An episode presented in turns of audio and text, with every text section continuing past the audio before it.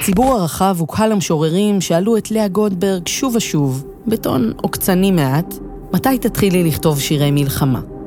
והיא, במקום להיענות לדרישה הזאת, כתבה וידוי במאמר ושירי אהבה.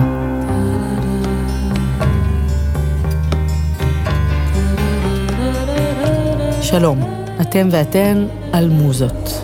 רגע של רוח בימים של משבר. פודקאסט של בית אביחי.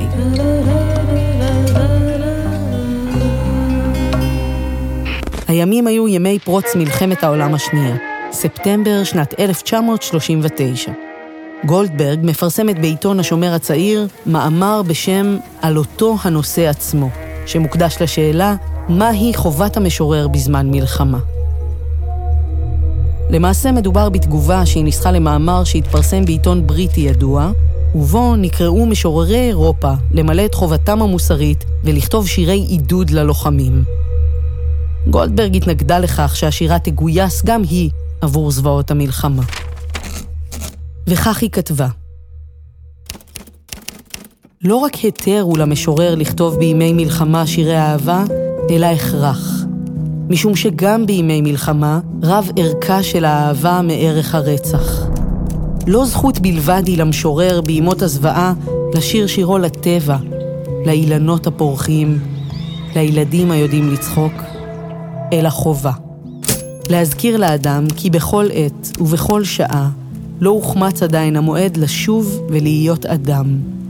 כי כל זמן שהשירה אוהבת את האדם בארץ הזאת ואת החיים על פניה, כדאי וראוי גם לו לאדם לאוהבם, להעריכם, לשמור עליהם. המאמר של גולדברג מעורר פולמוס והגוורדיה הגברית של אותם הימים מבקרת אותו. חלקם אפילו רואים את הבחירה שלה כבריחה מהמציאות. אבל את הטקסט הזה גולדברג לא כתבה מתוך נקודת מבט אקדמית, אלא מתוך חוויות החיים שלה. את מלחמת העולם הראשונה חוותה על בשרה כפליטה, היא הייתה רק בת שמונה, שחזתה במו עיניה באופן שבו חיילים מהצבא הלבן האשימו את אבא שלה בריגול ועינו אותו עד שאיבד את שפיותו. הרומן והוא האור, שגולדברג כתבה מאוחר יותר, מבוסס על הסיפור הביוגרפי של משפחתה. אבל הפעם היא מישירה מבט גם אל הזוועות, ומתוכן בוחרת בתקווה. היא מתארת את המורכבות של החיים בצל הטראומה. והוא האור והוא החושך הגדול, המהלך דבוק וחבוק עם האור הזה. דרך הלשון העברית והשירה, גולדברג מתמודדת עם החושך ובוחרת באור. ב-1943 היא כותבת את השורות שזכו ברבות הימים ללחן אהוב ומוכר.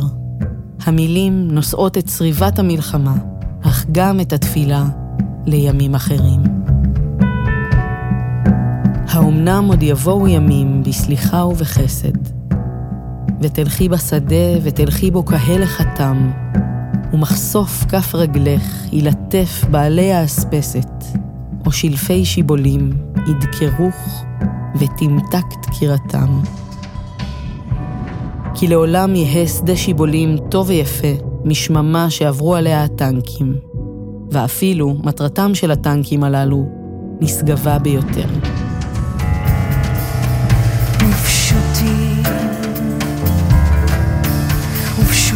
הדברים וחיים ומותר בם לנגוע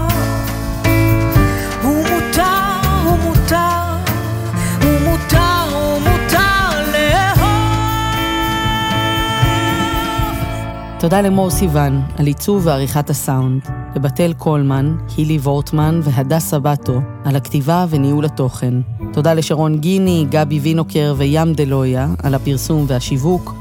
למתן חיים, לידור יקותיאלי ונחום חייזדה על הדיגיטל. תודה לאייל לויט וטלי בס על ההפקה. תודה להוצאת הקיבוץ המאוחד ולדוקטור דיוויד רוזנסון, מנכ"ל בית אביחי.